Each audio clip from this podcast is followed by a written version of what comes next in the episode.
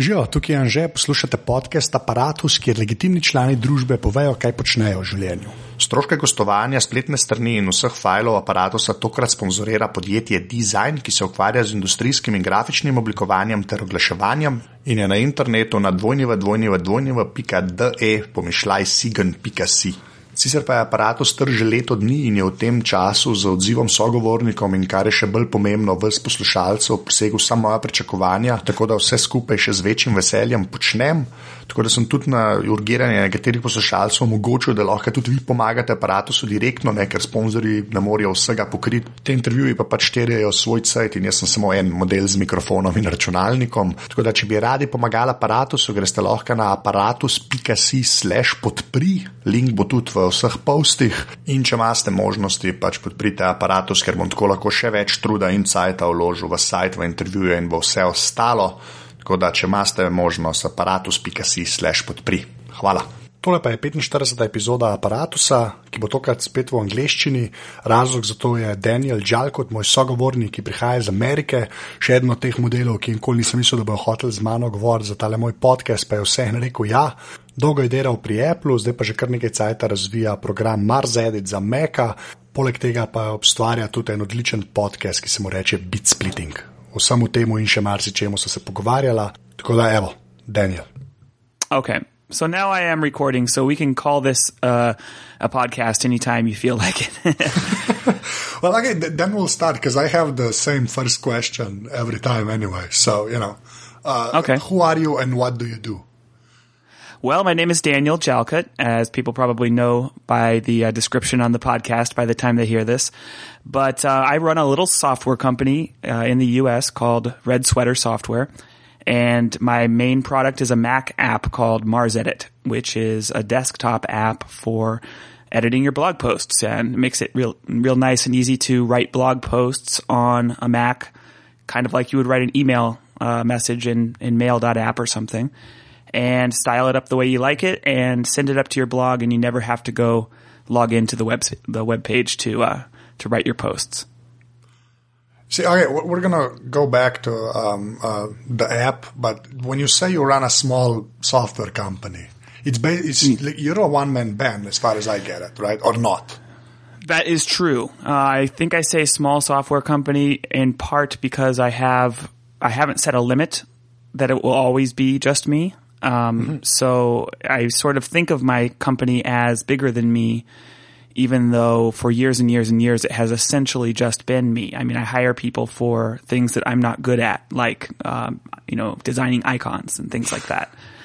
But um, I would love to be in a position where you know it could be more than just me uh, at some point. So I, I, like to think of it helps me. I think uh, psychologically to think of the um, of the entity as more than than me. Uh, sort of sort of relatable to uh, podcast, right? Like uh, a podcast is a branded thing, and it helps a lot to have your own personality invested in it. But um, you know, like here in the U.S., we have a bunch of uh, you know radio. We have uh, public radio shows. You probably have similar shows all all around the world, but it's shows like Fresh Air with Terry Gross. And the show would not be what it is without Terry Gross, but it's still its own unique thing with its own personality.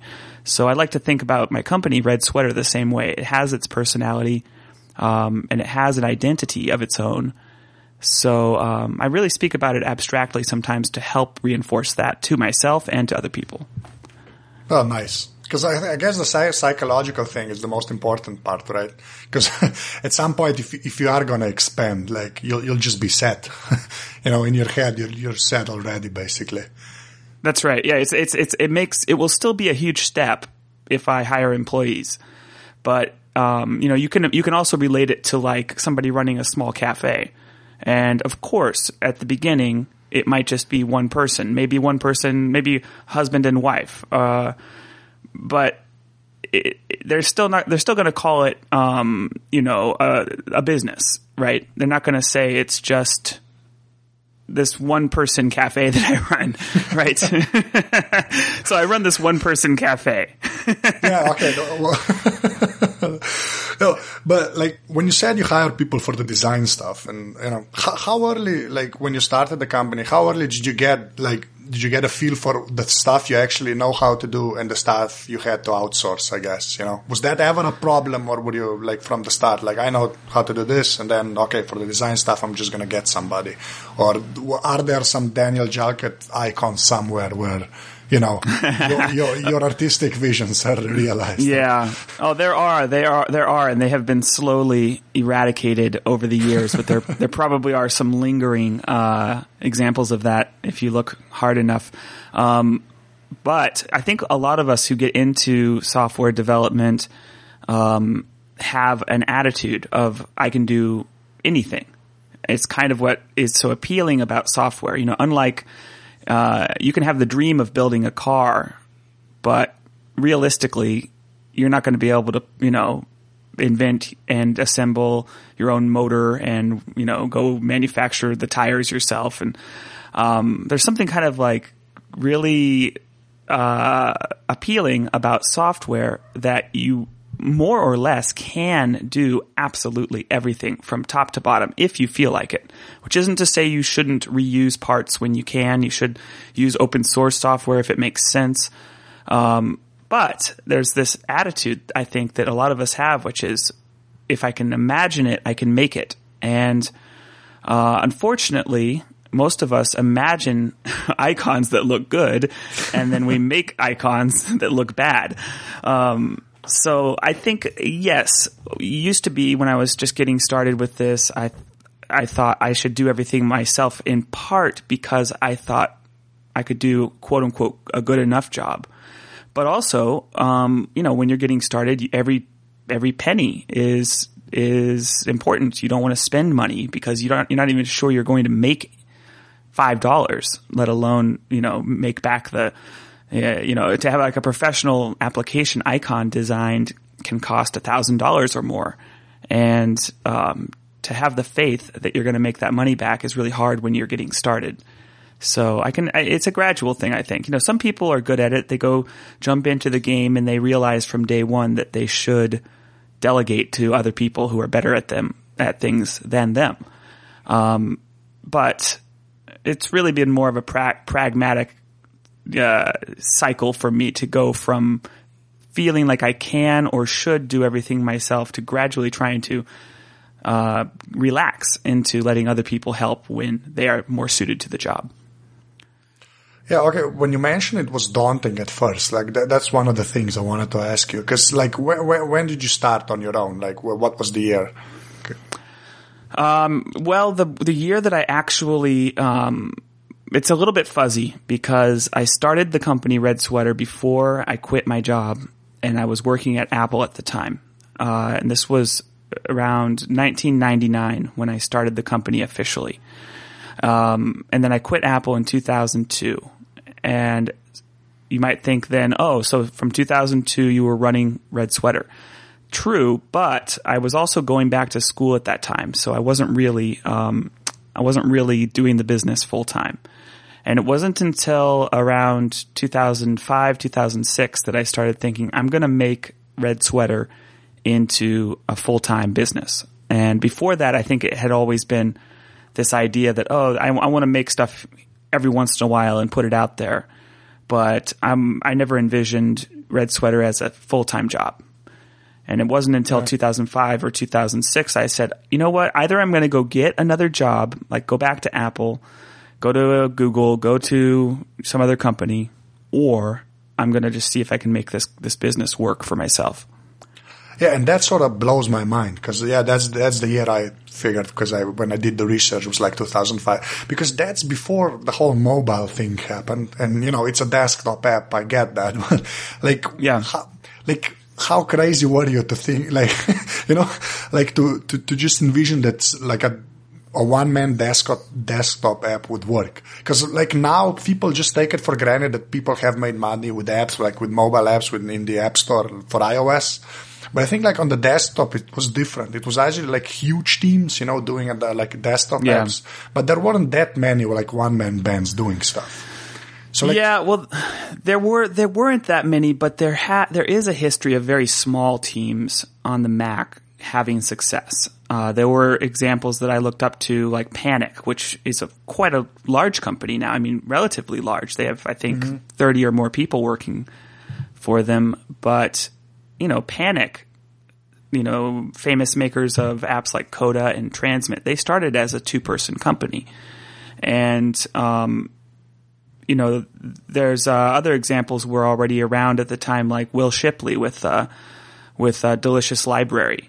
Um, it wasn't exactly just him, but it was him and a design partner and you know another two person company. And uh, yeah, it was a lot harder at that time. I think what you're getting at is w- the crazy part, as you're describing it, is doing all of this without an app store to support yeah.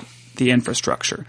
And yes, that is true. There was a lot of extra work back then. Um, those of us who still sell inside and outside the app store, we still have all that extra work. But fortunately, you know, we've had a long time to to put it together. Um, but yeah, back in those days, it was uh, not uncommon to use a third party um, payment system like eSellerate or Kagi or something.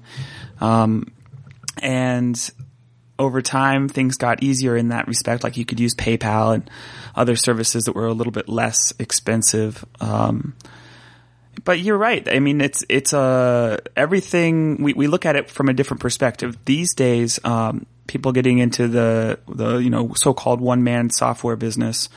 Um, they look at it as I can just make an app and ship it up to Apple and sit kick back and wait for the money to come in, right? Yeah. And the the interesting thing is that that is not true. And those of us who have been around long enough to know all the other work that you have to put into it, I think are less surprised when we realize when, when the money doesn't just come in.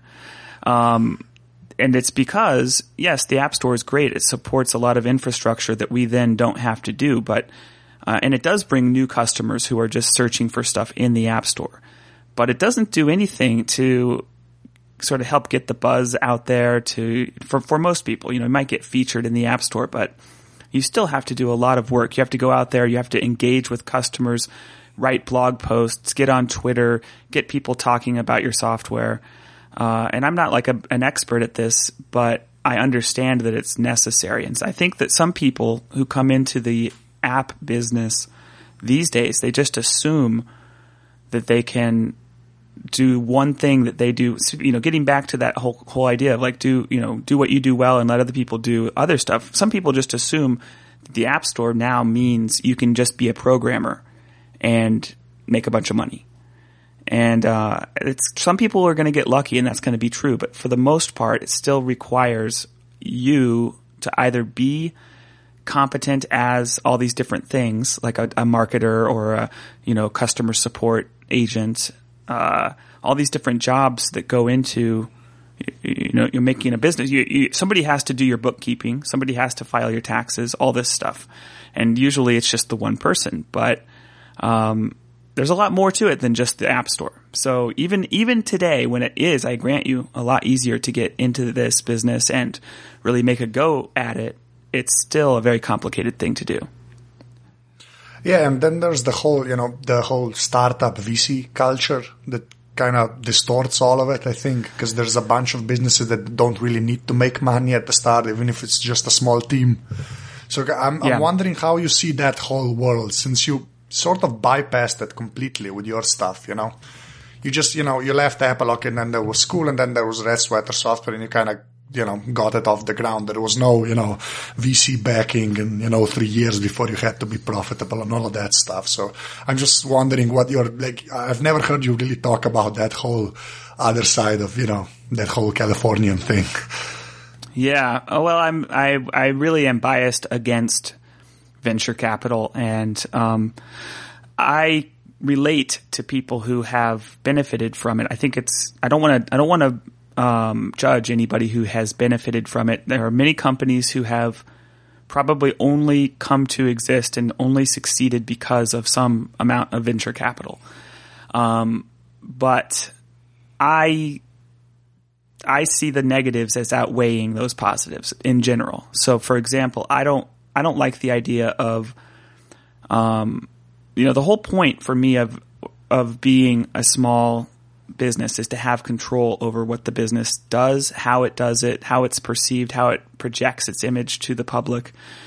And if you take venture capital, you might be able to preserve that control or you might not. Um, and I always liked the 37 signals approach to this philosophically, which is that they are strong um, supporters of the idea that businesses should make money from day one, essentially. Um, they have this whole series of uh, of uh, you know blog posts called I think they call it bootstrapped and bootstrapped and proud or something bootstrapped and profitable something like that. And uh, they they celebrate that idea that essentially you don't have to have a, a bogus business model. You don't have to just start your company in the hopes that somebody will buy you out or that you will, you know, um, find some way to make a bunch of money later. Um, and I like that idea. I like the idea that you come up with an idea and you charge people for it and they support what you are doing and you give back to them. And this cycle, this is, you know, a classic business approach. And I think too many people, because of the venture capital, are just going at the business, the whole idea of businesses, um, with an with an approach that is philosophically different from what I like to see in businesses. Yeah, and I think it just the whole, you know, I'm gonna build something and then exit. I think that thing just makes everything else distorted. I think that's the biggest negative for me when I look at stuff like that. It's just people doing stuff so they can sell it off later, basically. Right. And I, yeah, and that's that goes against the one man cafe, I guess, because if you have that one man cafe, you're supposed to, you know, take care of that cafe for a while. At least that's the plan, right? Right. And you can, I mean, a one man cafe could become, you know, five different locations in town. Uh, it could be um, a cafe that turns into a movie theater and you know one of the cafes is a bookstore it can get it can get quite big and complicated and still be your own vision of what a business should be right it doesn't have to be limited just because you are in control. Um, but I do think there's, in, again, I, I want to just like stress that that just because I see it this way doesn't mean that those venture capital businesses are wrong. They're just they're just going at things in a different way than I want to go at them, and it, it's it's kind of like um, it's kind of like uh, let's say let's say that um, somebody's starting a beer business right? You can go at it with the attitude that you want to sell the kind of beer that every single person in the country buys and drinks.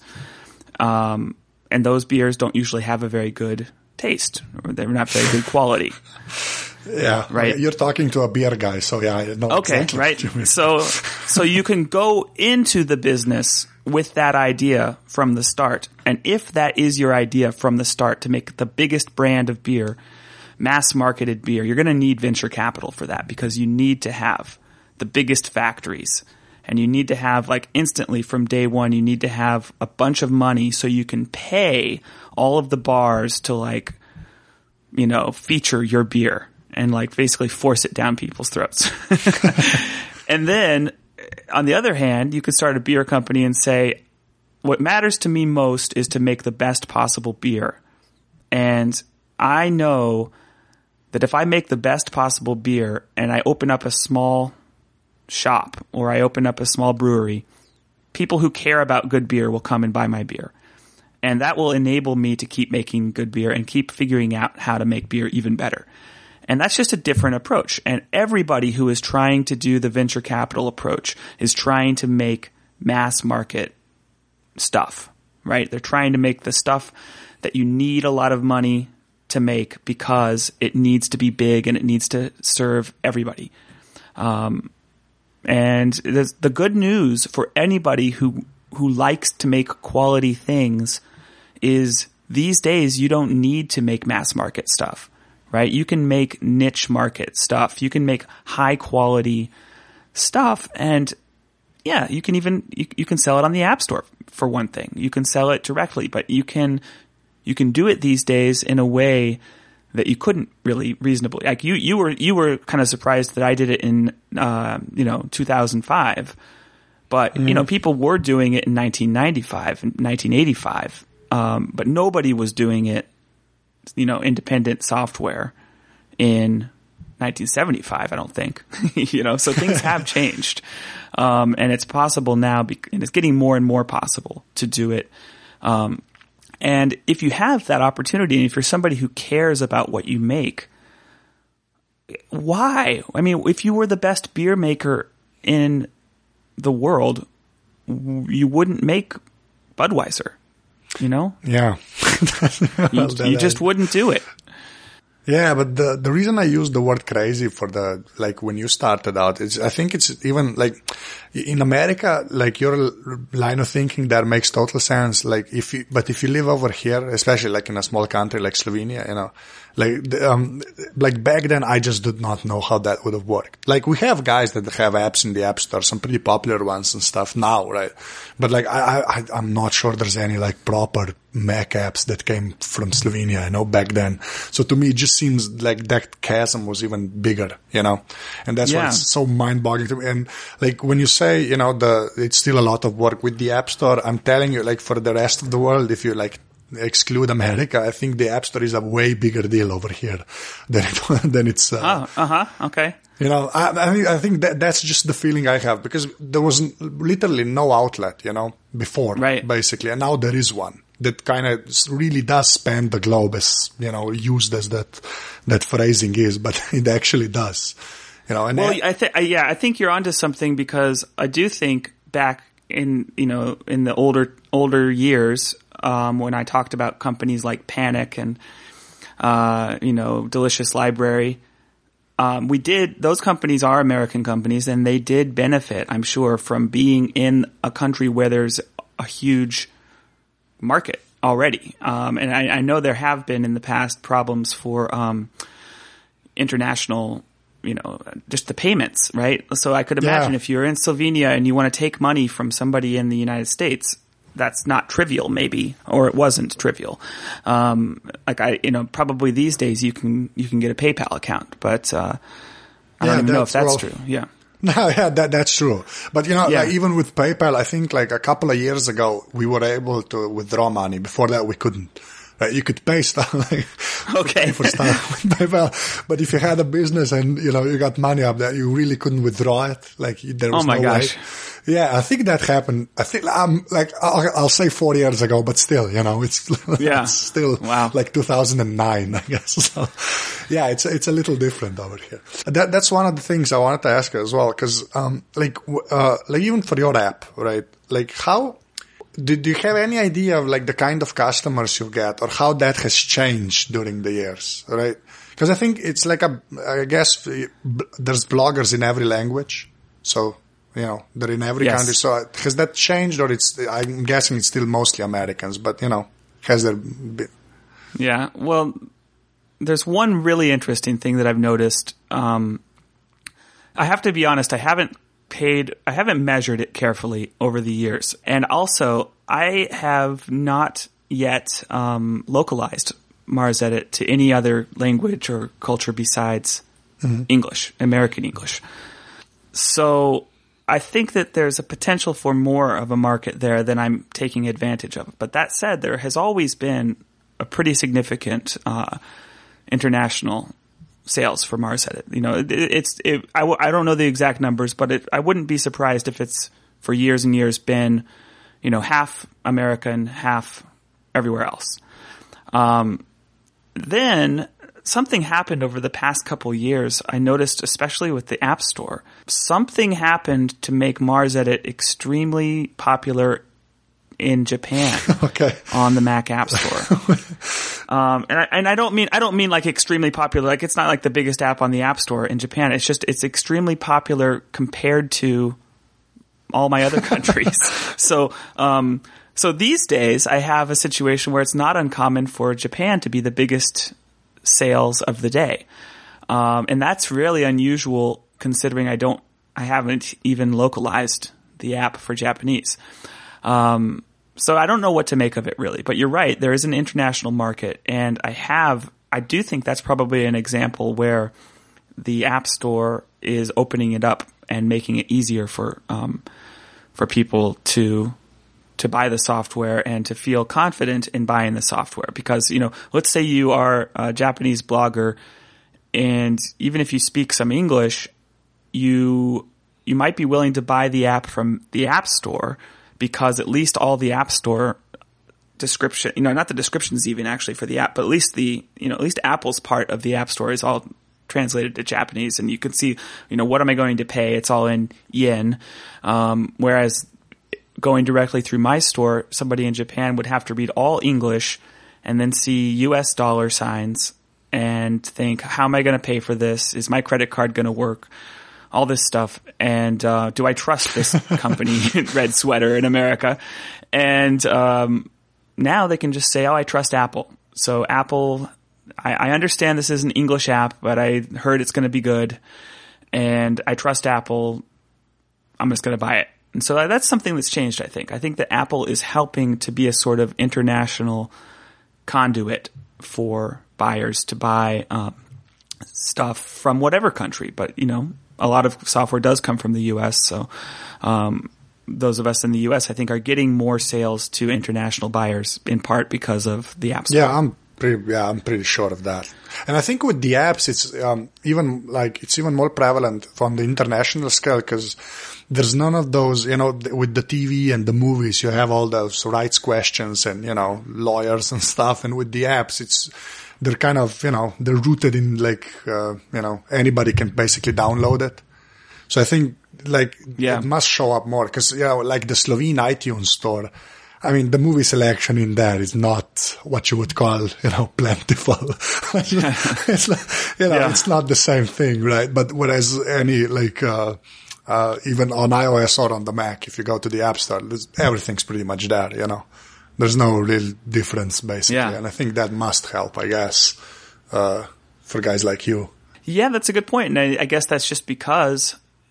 Well, that, that's actually, I, I mean, that's an example where I guess the software industry came about at a time that was later, so it doesn't have all those like old-fashioned music and and publishing Yeah. I think that's a that's a Um, really big deal. I, I like um, I know like uh, that's why I get angry with like American podcasts uh, podcasters most of the time when they just don't mention that like the, the international angle. Like it actually that's really important because you know something like your app you can just get it you know.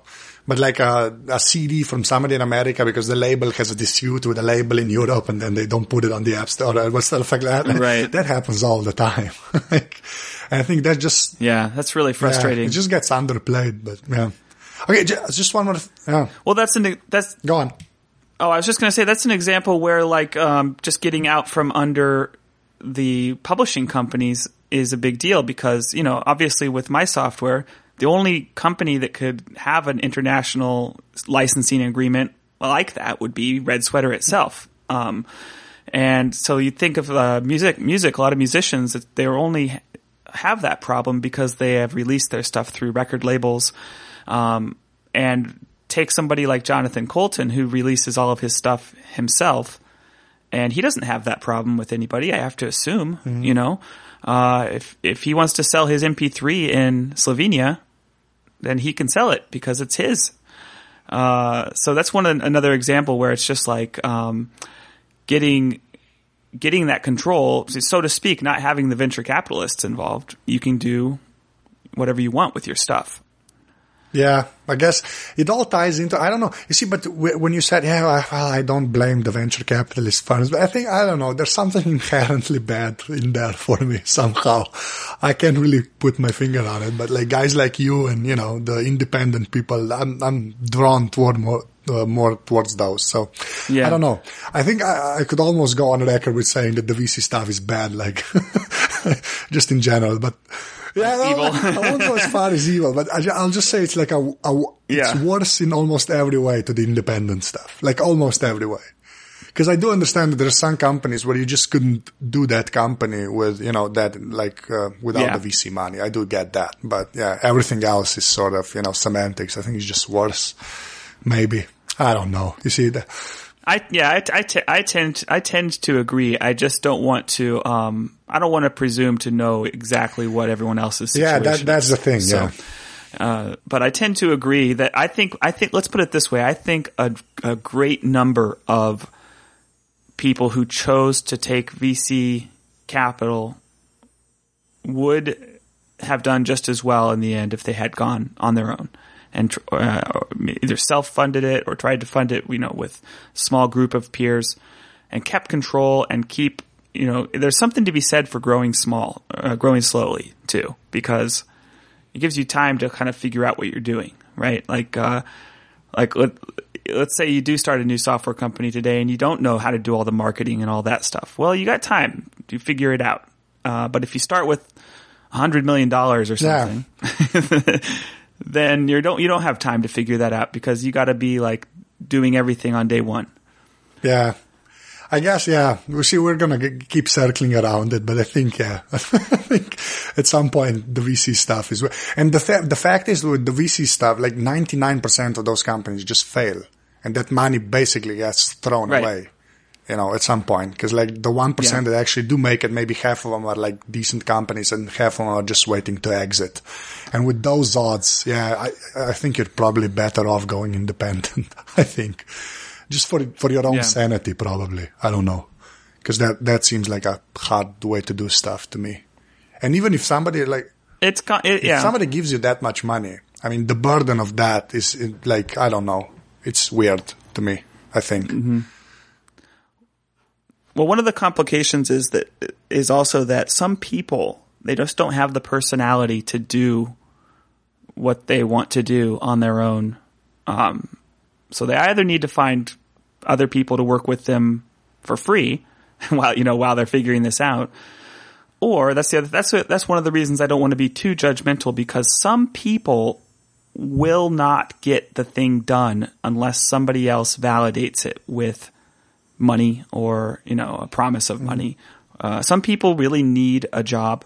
Some people really need venture capital, uh, or they're just not going to get it done. So it's easy for me to say, "Oh, you shouldn't have done. You shouldn't have taken that million dollars. You should have just run with the idea and like sweat and starved and gotten the job done and then sell it."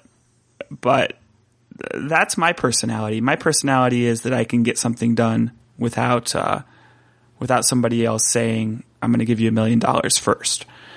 But some people aren't like that, and and and not everybody who needs that kind of support is a bad, you know, product maker. Some people some people need that kind of support, and they make great stuff. So when you have that kind of situation. I think that's where it's like, okay, you know, you you, I guess you need the venture capital if that's Yeah, what it and- takes to get you Yeah, to get there's the plenty of ex- example of, scum- of companies like that, but that's just such a tiny drop in that whole ocean that Yes, Yeah. you're right. It- yeah. okay, so let's talk about MarsEdit for a minute because um, with the whole like when you started uh, um, uh, your company and you know start you took over the development of MarsEdit, like blogging was pretty big back. Like there was this boom, right? And then it sort of settled down, and now it's like something normal where people just write, right? but how have you seen that evolution going?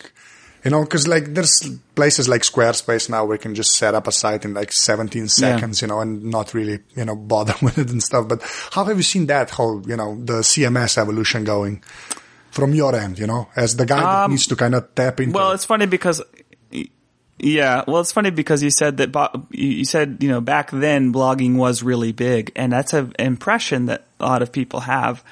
Um, because blogging was sort of at the forefront. It was like it, people were just getting into blogging and it made it feel bigger because, um, people were talking a lot about it. There were services like Technorati to like, you know, rank the blogs and there were all these different, uh, you know, it, it was much more common for without, without services like Twitter, you, if you kept up with somebody's work, you kept up with them through their blog.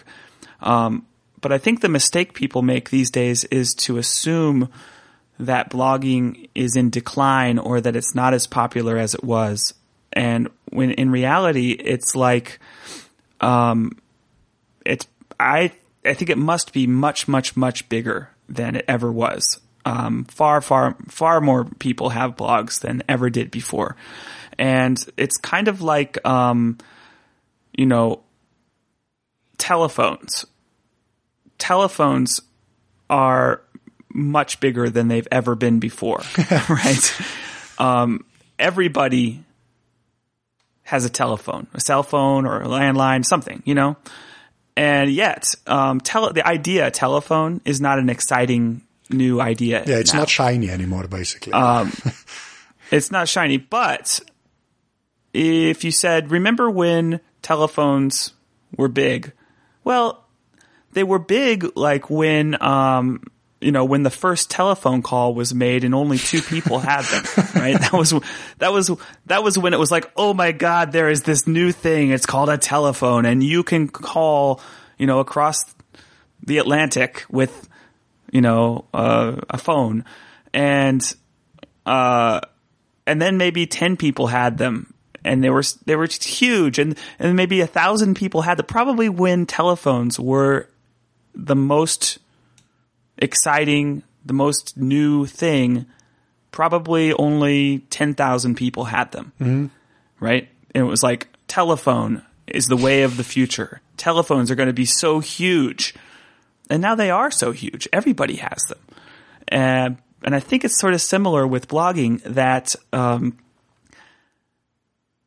everybody's blogging now, and yes, some of that blogging is uh, on platforms that we you know only reluctantly kind of call blogging, like tw- like Twitter. You might call it microblogging, um, but the idea of personal, permanent, like archived expressions on the web is has become, and, and you can even say, I, I would say that the stuff that you do on Facebook, the stuff that people do on Facebook or Google Plus, is also blogging. Uh, I don't happen to support those platforms with MarsEdit. I do sort of stick to a more traditional definition of blogging for the stuff that I support so far, anyway. But blogging, I, I, I sort of take, I sort of take, um, I sort of take when people say like blogging is in decline. I think you're just not noticing that everything around us is blogging now. Um, like Tumblr itself is probably, you know, 10 times as many blogs as there were in the whole world when blogging Yeah. was quote unquote big. And, uh, so it's an interesting time. I think, um, it's been, you know, you mentioned like what my perspective on how the different CMSs and stuff have evolved. Um, it's been a little bit disappointing for me to to see the ways the missed opportunity for um, you know supporting APIs better. Obviously, I care about that as a developer of a third party app. Uh, it's been disappointing to see Squarespace drop their API for their latest version. Um, some companies like Tumblr have had ups and downs with their their API support. You know, I was really optimistic that APIs were going in the right direction with um, with things like Flickr. Um, Flickr is unusual in that its API is extremely extensive, and I believe that Flickr's site itself is implemented with their API. So um, that's a really great way to approach making an API is can we build our own product with the API? Uh, and that's not the way most people approach it. The way most CMSs approach the API as, oh, we forgot that there might be some use for third party apps to connect to this. Let's tack something on. And uh, that's the way it is with most services, unfortunately. Um, but uh, you know, some of the services still make a good effort to support a lot of stuff. So there's still a good, um, there's still a lot of good stuff I can do with with MarsEdit. But I wish um, that the the industry had more of a, a of a, a attitude of the API being um, first and foremost in the Yeah, but design. why, why do you think that is? Because I, I just that's that's why I ask you about the evolution of it because I think at the beginning, like every CMS kind of had that mindset that okay, like we can't really do everything like as good, so we need to have a like a proper API that third party apps can sort of you know fill in the gaps. But that I, at least that's been my uh, like that's how I see it. Like that has eroded slowly. So I, am just wondering, like, why do you think that's that is so? Yeah. basically. Um, it's interesting. here's here's here's one angle too because it's not it, it's not just CMSs obviously it's um, things like Mm-hmm. Twitter uh, have they've scaled back their support for obviously for certain uses of their API they don't want to see full um, service apps using the API. Um, I think that one of the one of the sort of unfortunate byproducts of this whole mobile era is that we've got a very clear idea of the platforms that services web services want to support. Uh, so we have very clear that we want to support the web itself, you know, a web browser. So a web browser based interface to your service is important. Uh, then it's very clear that you want to support iPhone and very clear that you want to support Android. Um, and then probably you want to support Mac as well. But beyond that, um, I think it's gotten to the point where many companies feel that if they cover those bases, they don't need to support anything else. And I think it, historically, maybe it was a little bit more uncertain. Like people didn't know um, what kind of phone people would be using to try to connect. Let's say. Uh, so in a way, I think it's sort of standardized enough that um, the companies the companies know that they can take on the task of building the apps themselves for this limited set of platforms. So I think that's what happened with um, with Twitter. They said, "Hmm, it used to be important for us to have an API because all we had was a website, and then people made all these native apps that was was really great because people could run apps on Linux or on Windows or on Mac or on uh, you know new systems like oh this iOS system that just came out." Uh, but then over time now, Twitter I think is taking the attitude that if it's an, if there's only a few platforms that matter, and those platforms we will make the app. Uh, and I think other companies are starting to follow in the same sort of footsteps as that. And, and you see even the blogging companies like Tumblr, they have their own app for iOS, probably for Android. Oh yeah, haven't there's one for attention. Android. Yeah. Okay. And uh, I think it's the similar kind of approach where if if there were 10 viable mobile platforms, then it might be more important for these companies to continue supporting an API, right? Because then they would see the value of having other companies uh, or uh, third parties Yeah, help the, out. the field's so narrow now. But, uh, with, with the yeah. Yeah, it's it really is, and I think you know iOS is one part of that, but Android has really locked up the. It's like for smartphones, it's either iOS or Android. Realistically, that's what it that's what it's come down to right now. Maybe maybe Windows will, maybe Microsoft will change that, but um, even if the, even if Microsoft makes it a one you know one more platform, um, that might not be enough for these companies to think it's valuable to support an API. Yeah, okay. I'd never really thought about it that way because I just, you know, I, like when I write for the magazine, I usually cover everything, so I just have it in my head. There's just still plenty of platforms left, but I guess if you're a company, you're just thinking about supporting stuff. Yeah, I guess those two are pretty much it. like, yeah, Well, and, and you can use the web you can use the web platform as the fallback. So you say I support iOS, Android, and if you happen to have some freaky Yeah. phone with a with a web browser, you can use the website. Yeah. Okay, that's just depressing. that's just sounds, Let's talk about yeah, something else. Just, yeah, that was a downer. yeah.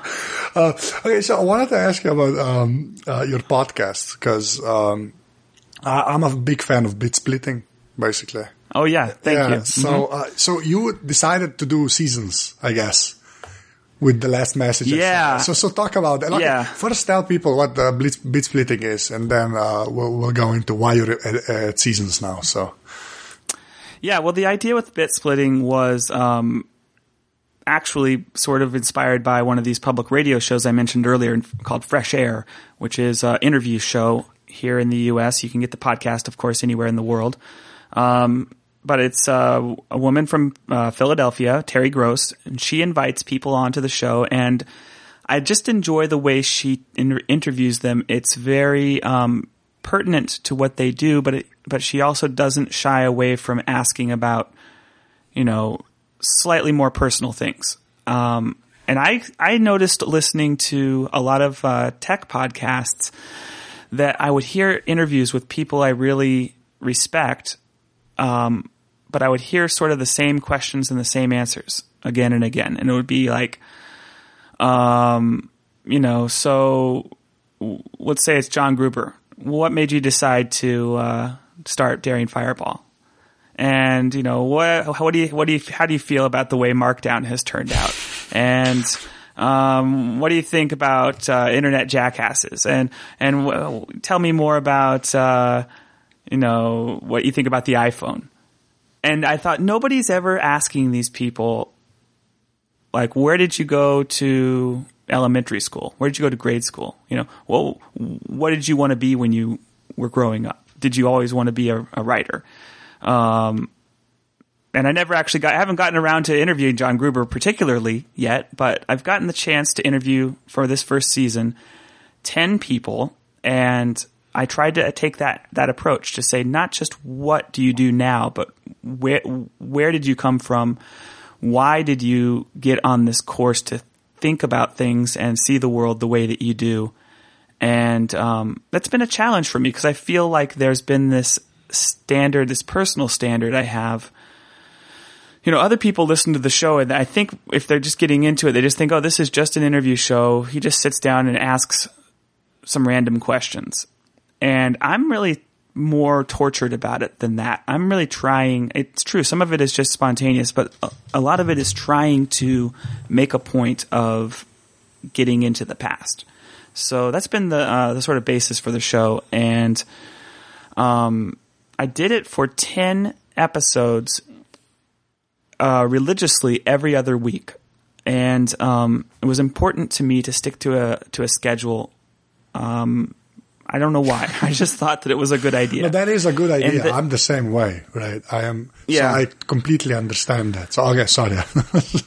oh, but so anyway, I I decided to stick to a schedule, but it turns out it's also just a, as you know, it's a lot of work. Um, and you can make it less. There are ways to make a podcast less work. Um, you can record straight to, you know, to the podcast without doing any editing and just, you know, convert to MP3 and upload it. That's less work than if you do even a little bit of editing. Yeah. Um, and the, the, the, the problem is the editing can get really, really intense. If you decide to do a little bit, you might end up deciding to do a lot. Yeah. Um, so my take on it was really from, in a lot of ways, it's a, it's a kind of a premium. I like to think of it as a premium podcast in that it's a podcast where I pick a guest, I do research, I do some time. It sounds like you've done some research here too, so kudos to you. uh, but, uh, you know that takes time yeah. and it's not it's not just call you know a lot of people listen to a podcast episode and it's an hour long and they think oh okay this podcast was an hour long so it probably took them about an hour and 5 minutes to do this and reality is for a lot of podcasts it's getting up on like an hour podcast probably took up to and it's in, in my case with Bitsplitting, I think there were times that it probably took eight hours to do all of it. You know, yeah. And you add that up. Uh, if I was doing that every other week, I was spending eight hours every other week. You know, up to eight hours maybe. Um, so that's like uh, ten percent of my work days uh, on this thing. And it, granted, I was making money from it. I'm selling ads, but I started realizing I can't be I'm a software developer. I'm not a podcaster. um, and you know, I could decide maybe I could say I'm going to stop being a, pod, a software developer. I'll start being a podcaster, and then hey, I'll make I'll make five Bitsplittings a week. But uh, that's not what I do. So I make software. That's my main job, and I liked the idea of Bitsplitting existing in the world. But um, it turned out that trying to do it every other week forever was going to be a bad idea. It was going to, and, and, and it's also just taxing, uh, psychologically or psychologically, emotionally. It's a lot of work. Uh, being concerned about how people are going to react to the show, um, being concerned that I, I, I took a lot of care that I wouldn't make anybody sound dumb, you know. So, and it wasn't hard. It wasn't hard with Yeah, my with guests. your guest, but, that wasn't really a problem. no, but for example, if somebody messed up and said something that they regretted, that's one of the things I would always offer to edit out. Um, and it's not necessarily something that makes you sound dumb, but you know, if you're in an interview and you say, "Oh, this one boss I had was a real jerk," and then you realize, "Oh, that boss might listen to this show," um, then it's just a matter of uh, tact to edit that out. Um, yeah, that happened. So anyway- that happened to a guest of mine like two weeks ago, three weeks ago. Okay, so you I understand. Yeah, perfectly yeah, yeah, yeah. Uh, so there's a lot of work that goes into it, and a lot of uh, a lot of there's a lot of labor, and there's a lot of emotional investment, and I just realized I can't do that every other week. So um, it's been great taking a break. I've been on a break now for about two months, actually. Um, and I'm a little bit worried that it's too good being on the break. but I do, uh, I do hope to, to do, as you said, a sort of seasons approach. And I would envision the next season I do doing a lot more work up front so that I'm not, um, not jumping from week to week, you know, feeling that stress of getting another episode out. Yeah, because then you can do the Uh, I- research, like for three guests in a row and stuff. That yeah. That's right, and and record three guests in in uh, in a day, even maybe. Don't do that. You know, don't, don't do that. Don't. Okay, Don't. okay, Just don't. I'm just telling you. Just Yeah. I've done that on two occasions. I've actually did like three interviews, and you just die at the end of the day. okay. Well, I'll take your advice on that one then. But three interviews in three days. You yeah, that, you can do Uh, that. That's fine. yeah. But yeah, the, uh, the, the, the, in a nutshell, the work of putting a podcast together that is, I mean, like I said, you can do a varying amount of work, but we have all heard podcasts that are the result of somebody not doing enough work. yeah. and it's not good. It's bad. Uh, and I don't want to be embarrassed like that. And I don't want to waste anybody's time downloading the podcast even once and having it turn out that way. So, um, it's basically, uh, it's a lot more work than I, than I expected. And even, you know, I even have another podcast. I have, uh, a regular weekly podcast with my friend Manton Reece, uh, called Core Intuition. And it's it's also work, but it is you know work that we share. So um, I didn't really understand how hard it was going to be to do a whole show by myself, and it's a longer show, so it's longer editing, et cetera, et cetera. Yeah. But I look forward to doing it again. I think I just need to get my energy back and get my excitement back uh, for for doing it, and um, and then we'll uh, probably I'll probably uh, I'll probably queue up at least like three or four before starting a season. Oh, awesome. If not, if not all ten, you know, maybe I'll just do all ten. That would take all the stress out. yeah, I think that's not a bad f- idea. Probably. If you just get all ten, like have dates in like, dates set for the interviews, just do the research, and then you're just fine. Yeah. Yeah. yeah. I think yeah. Man, I wish I could Yeah. do stuff like that. Yeah. Because my Slovene show is every week, right? And that's an insane, just an insane frequency. Yeah. I know. Oh, but that's got to be up to date, right? Because it's about the. Is it about the news? No, no, no. It's an interview show. I do an interview a week. Oh, okay. Yeah. Oh, okay. Okay. Yeah, I basically use you guys uh, for like uh, the weeks where I, I either don't have anybody, I just you know I I put Uh-huh. you guys into the Slovene feed with a delay, basically. Okay. yeah. Yeah. Cool. It's it's yeah every week. I don't know what what I was thinking. Basically, You know, I was gonna I was gonna do every week with Bitsplitting, and then at the last minute, I changed. I had even I had even booked uh, sponsors for specific. I had to drop a sponsor because they needed a specific date, and I was like, oh. Turns out I'm not doing that date. I'm I'm, I'm not doing every week. And they're like, oh well, we can't do it then. Uh-huh. Uh, but uh, I had I was I was under the delusion that I was going to be able to do weekly, and it turned out I could barely do every other week. So, yeah. Well, I just hope Yeah. you you do season two soon because. Oh, thanks. It's good to hear that you liked Oh it. yeah, I, I, have like five podcasts in uh in my uh, pocket Pocket Cast Smart playlist. The ones that just get downloaded whenever there's a new episode, and you, you are definitely one of those. So. Oh, thanks. That's really nice to hear. Uh, all right, so we did the podcast now. Now I'm gonna do this whole touristy question thing I do with like every foreign Okay. guest I have, which is you're from Arlington, right?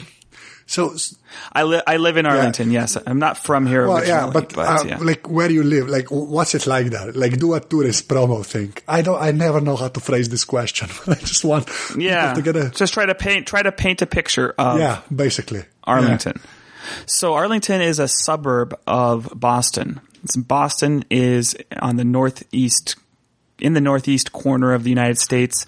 Um, it is a area of the United States that gets fairly cold, cold enough to snow in the winter, uh, and pretty hot, hot enough for most of us to want some air conditioning in the summer. Up to, uh, you know, uh, I don't, I only know, I only know. Uh, Weird Oh, Fahrenheit. let- let's not even go into that because Yeah. I just, yeah, I just but uh, but no, the uh, the the area where I live is uh, part of basically part of Boston. It is a suburb of Boston, so it's uh, close enough to Boston subway. We can ride subway trains around Boston.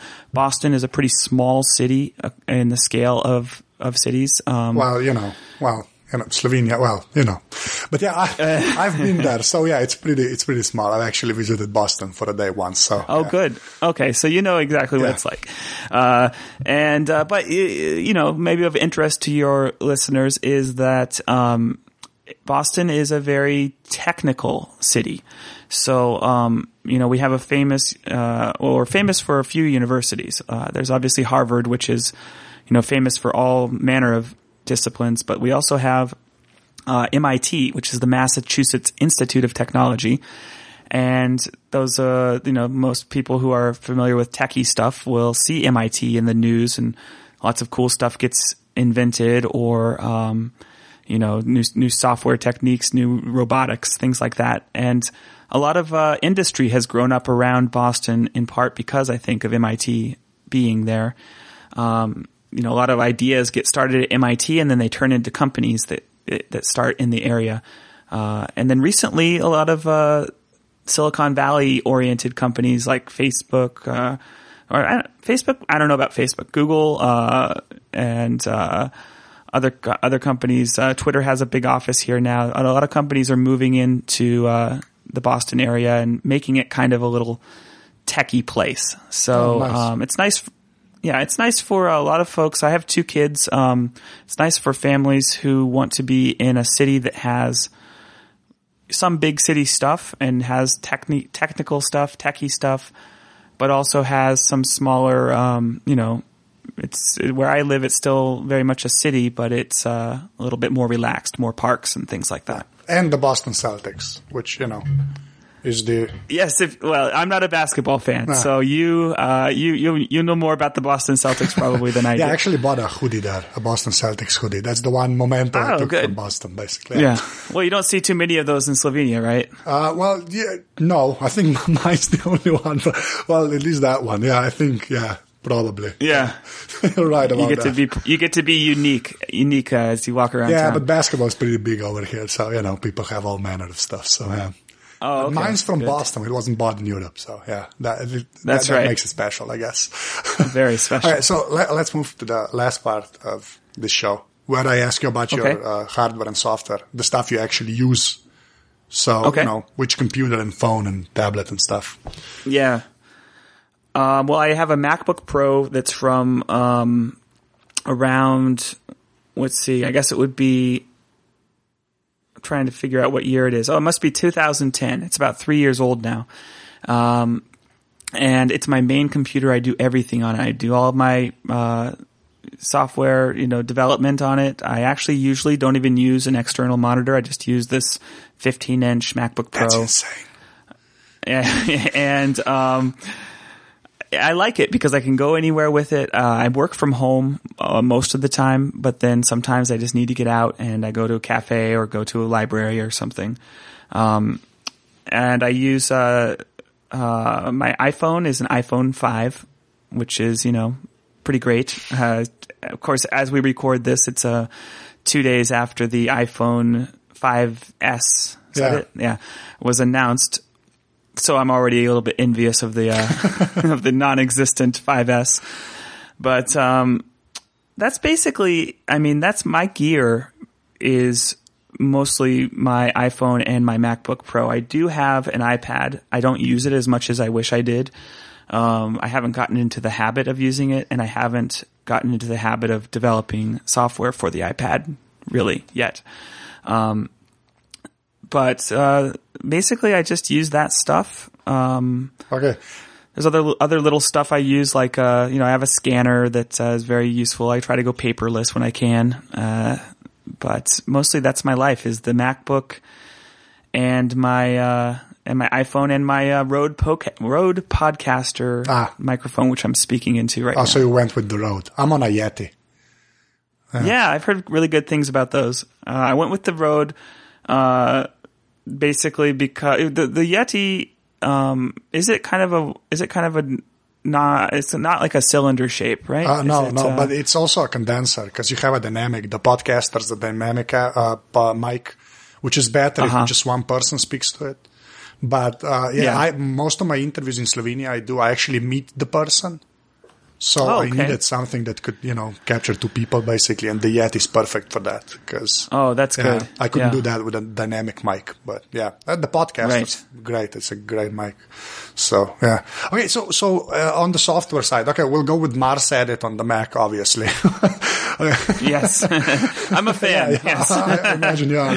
Okay, so then maybe talk more about the iPhone stuff that you actually use. That's what I always stress. Not the you know flavor of the month apps, but the stuff that you actually well, use on it. yeah, I guess um, this is the trick for this. I learned about this trick recently. You go, you open up your iPhone, and you just do the double click on the home button to see the apps that are in your, um, you know, your multitasking bar, and that tells you the things you actually use because they're in the order that you use them, Yeah. right? So, uh, Instacast. I guess I use Instacast. um, I use Instacast to listen to podcasts. I actually use my iPhone. Um, about a year or two ago, I switched from using an iPod um, Mini. I guess uh, I used to run. So I run a lot, and I used to run always with my iPod Mini in my pocket. And then I, I switched um, to my iPhone a year or two ago when I discovered I could get this running belt that would hold it securely enough uh, for my for my tastes. okay. So I use Instacast, um, although I'm not I'm it's, I'm not in love with it. I I think it's and I I, I know a lot of people like Downcast. Um, I need to give that a try. I haven't given that a try yet, but um, Instacast is pretty good. It does the job for me, but there's some things that annoy me about it. Um, I've got Letterpress here. I still play Letterpress. You know the Yeah. game by Loren Brichter. Uh, and uh, I use Apple's own mail app. That's there. That's obvious. Um, I use for Twitter. I use Tweetbot. Uh, not not uncommon at Yeah, all. I know. I, I I used to use Twitterrific quite a bit. Um, I sort of flip flop these days between Twitter clients uh, and usually between Twitterrific and Tweetbot. I don't know why exactly I'm on. Uh, I'm on Tweetbot right now. I think I think maybe because I got used to it on the Mac, I ended up using it on the Mac, and now I'm like, okay, it behaves almost exactly the same on the phone. Oh, Okay. So Are you on iOS seven on your phone, or have you? Are you waiting for the official release? I just I just switched to iOS seven yesterday. Oh, so you actually was- waited for the GM. Or, I waited for the well, I, I and here I have this luxury of uh, you know I'm a I'm a big rich software engineer, so I have an extra iPhone that I ah, okay, yeah. that I had the iOS seven installed on. Uh, no, because like most of the people I talked to recently, they just all installed like the first beta, and I'm like, what the hell are you people doing? like is, no, no, no, no, no, no. Yeah. I am very I'm very paranoid about that, and I do. Um, I also do though the um, TinyUmbrella. You know that? Uh, have you heard that? Uh, TinyUmbrella is a piece of software that um, you can use to save the um, basically like the uh, the cryptographic like little bits from your phone that let you. I think it's like it- it's called the SHSH, and I don't know exactly what it is, but it lets you authorize to Apple the right to install a specific OS release. Aha. So the long and short of it is, if you download this TinyUmbrella, um, you can save every time you install an update. You can save the old uh, bits, so that theoretically in the future, if you need to, you could reinstall the old one. So, like when I uh, install iOS seven, I, I save my six point one point four bits, and Um, it's not always up to date being able to install. You know, they have software for re- restoring to the old one. Um, but the idea is that you should be able to go back. Yeah. Uh, and that gives me a little bit of comfort because by default, you can never go back. Yeah, that's and that's, that's one of the scary things about iPhones. um, so yeah, uh, that's those are the main things, I guess. Um, I use a. I've been a fan of this weather app called Dark Oh, Sky. yeah, the one that actually tells you it's going to rain in five seconds. Yes, it's going to rain, and it's and it's pretty reliable for me. I have found um, some people complain about it, and I thought, "What's wrong with you? It's perfect." And then I travel, and I find out that they must live in a place that has terrible coverage or something because I have had it behave poorly in some places, but. Most of the places I go, it's great. It tells you when it's going to rain, and then there's a feature that even it it you know gives you a little alarm. So I'll be walking down the street. It'll say light rain starting soon. I can look around and say, okay, where's where's the rain? Where's it coming? Or, or get under a, uh, get into a building soon. You know. So uh, that's uh, that's the main stuff that's on my little recent list here. But uh, I have a ton of stuff. Uh, I use that uh, that stuff a lot. Um, but mostly, I just use my phone for uh, mail, Twitter, listening to podcasts, navigation. You know, getting you know, I, I use Google Maps ever since uh, iOS six, unfortunately.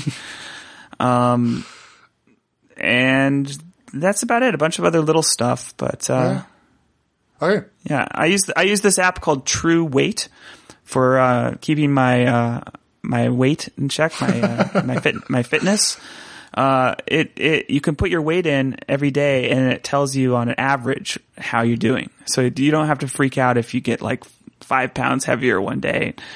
Uh, it just keeps an average for you. So if you go up or down five pounds, it doesn't freak you out. It just says, eh, you're doing all right. Nice. oh, okay. So then my last question, which is also always the same. If you had to um, uh, pick one thing, that that physical thing, it doesn't have to be a gadget, right? That made a big impact on your life, right? What would that one thing be? You might still have it, you might not have it anymore. Like, it doesn't matter. Just it has to be something. It can be your grandmother, you know, like a physical object, like.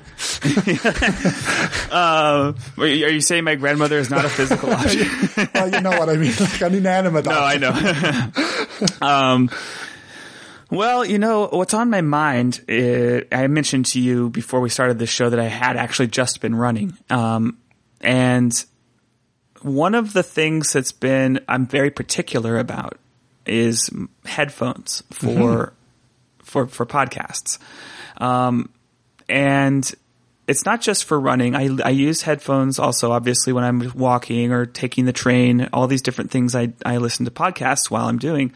Um, and I am old fashioned in the sense that I like the headphones that go over your head. You know, you have, you have two little plug things that go in your ears and then a band that goes over the top of your head. It's like the original Okay. Sony Walkman headphones.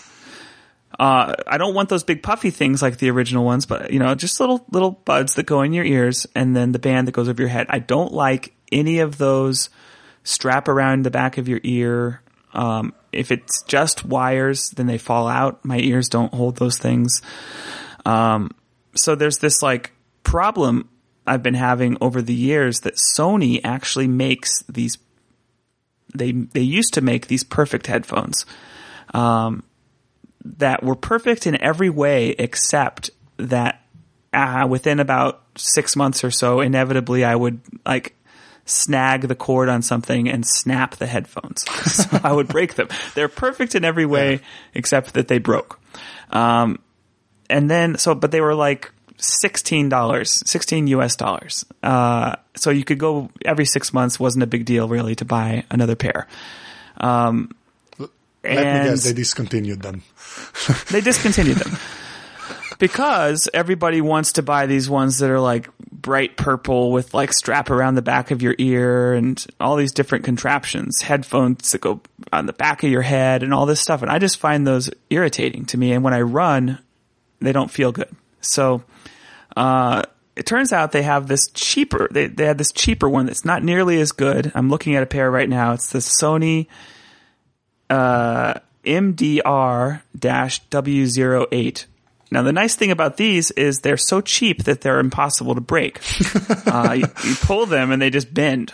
Um, but they are not as nice as the other ones because they're so light uh, that they actually kind of like fall out of my ears a little bit while I'm running. However, this is the, the, the closest thing to perfection that I have right now. And, um, these are also, I think, dis- discontinued now. so they're like, every time I find something from Sony that is like the closest thing to perfect, they, they discontinue it. So this, this last time I bought like, oh, so the problem with these ones is they don't break ever, but because they're so cheap, inevitably one of the, um, one of the ears stops making oh sound. yeah that's yeah i think that's a given. Yeah.